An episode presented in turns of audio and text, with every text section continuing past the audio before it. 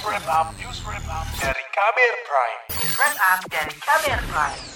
Saudara keterwakilan perempuan di ranah politik masih terus diperjuangkan hingga kini, meski sudah ada sejumlah aturan yang berisi aksi afirmasi untuk menguatkan kebijakan itu. Misalnya, aturan keterwakilan perempuan di partai politik, legislatif, dan di dalam unsur penyelenggara pemilu yang minimal 30 persen.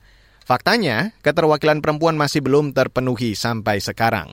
Selengkapnya saya ajak Anda untuk langsung mendengarkan laporan KAS KBR yang disusun jurnalis Astri Yuwanasari. Aturan keterwakilan perempuan di ranah politik tercantum dalam Undang-Undang Dasar 1945. Pasal 28H dalam aturan tersebut menyatakan setiap orang berhak mendapat kemudahan dan perlakuan khusus untuk memperoleh kesempatan dan manfaat yang sama guna mencapai persamaan dan keadilan. Karena itu, Kementerian Pemberdayaan Perempuan dan Perlindungan Anak atau Kemen PPPA terus mendorong peningkatan jumlah perempuan di parlemen pada pemilu 2024.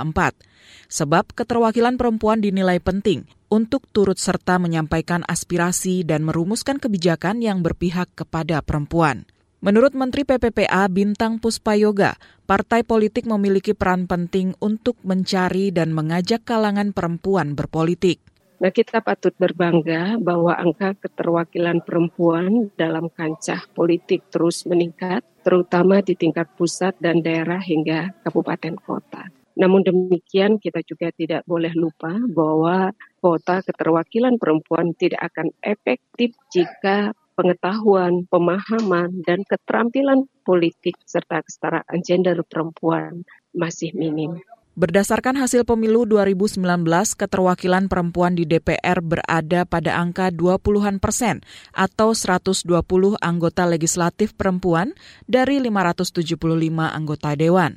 Meski belum sesuai target 30 persen, jumlah ini meningkat dibandingkan pemilu pertama yang hanya 5,88 persen.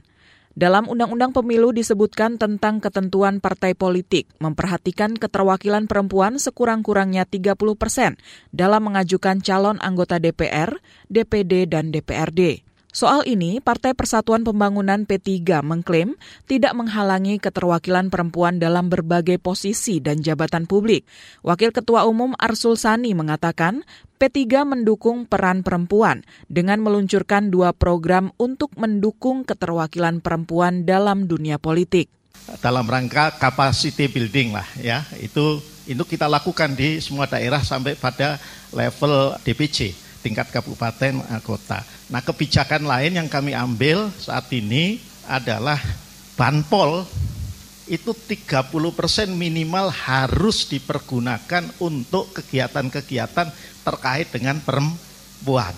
Arsul mengatakan sejak 2003 P3 menciptakan aturan sekurang-kurangnya 7 dari 35 pengurus harian harus perempuan dan di 2016 dinaikkan menjadi 30 persen.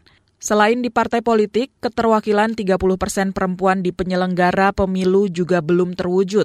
Hal ini bisa dilihat dari tujuh anggota KPU Pusat yang hanya memiliki satu orang perempuan dan lima anggota Bawaslu Pusat dengan hanya satu orang anggota perempuan.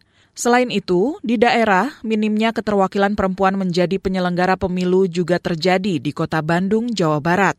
Sebanyak 150 petugas panitia pemilihan kecamatan pemilu 2024 yang akan dilantik Komisi Pemilihan Umum KPU Kota Bandung masih belum memenuhi kuota 30 persen. Hanya 28 petugas perempuan. Ketua KPU Kota Bandung, Suharti, kemarin memang tidak nyampe ya 30 persen keterwakilan perempuan di PPK karena memang tadi ternyata nggak banyak juga nih yang daftarnya gitu. Hmm. Nah mudah-mudahan di seleksi PPS ini kita bisa mendorong perempuan untuk bisa terlibat aktif di dalam proses penyelenggara di tingkat kelurahan. Merespon situasi tersebut, Wakil Direktur Pusat Kajian Politik Universitas Indonesia atau Puskapol UI, Huriah mengatakan, regulasi keterwakilan perempuan dalam pemilihan keanggotaan lembaga-lembaga penyelenggara pemilu masih normatif. Nah, akhirnya kan tidak implementatif gitu ya. Regulasi tersebut dia ada tetapi tidak bisa diimplementasikan, tidak ditegakkan atau dia ada tetapi tidak imperatif sifatnya, tidak me, tidak memaksa para pembuat kebijakan untuk mematuhi aturan tersebut. Nah, ini uh, dilema yang selalu muncul di dalam uh, apa namanya afirmasi uh, keterwakilan perempuan. Huriah menambahkan dalam hal afirmasi keterwakilan perempuan sering kali muncul benturan regulasi yang dihadapkan pada afirmasi. Selain aturan yang tidak implementatif, menurut aktivis perempuan Papua Yuliana Numberi, ada konstruksi di dalam masyarakat yang selalu melihat bahwa perempuan tidak layak menjadi pemimpin. Ruang publik ini masih dilihat sebagai ruang yang tidak layak bagi perempuan. Perempuan ada pada ruang domestik, padahal kalau kita bicara justru di ruang publik inilah semua persoalan perempuan itu akan terungkap. Dan dengan demikian ketika mereka berada di legislatif, mereka bisa menyampaikan apa yang menjadi isu perempuan di masyarakat. Demikian laporan khas KBR, saya Astri Yuwanasari. Kamu baru saja mendengarkan news wrap up dari KBR Prime. Dengarkan terus kbrprime.id, podcast for curious mind.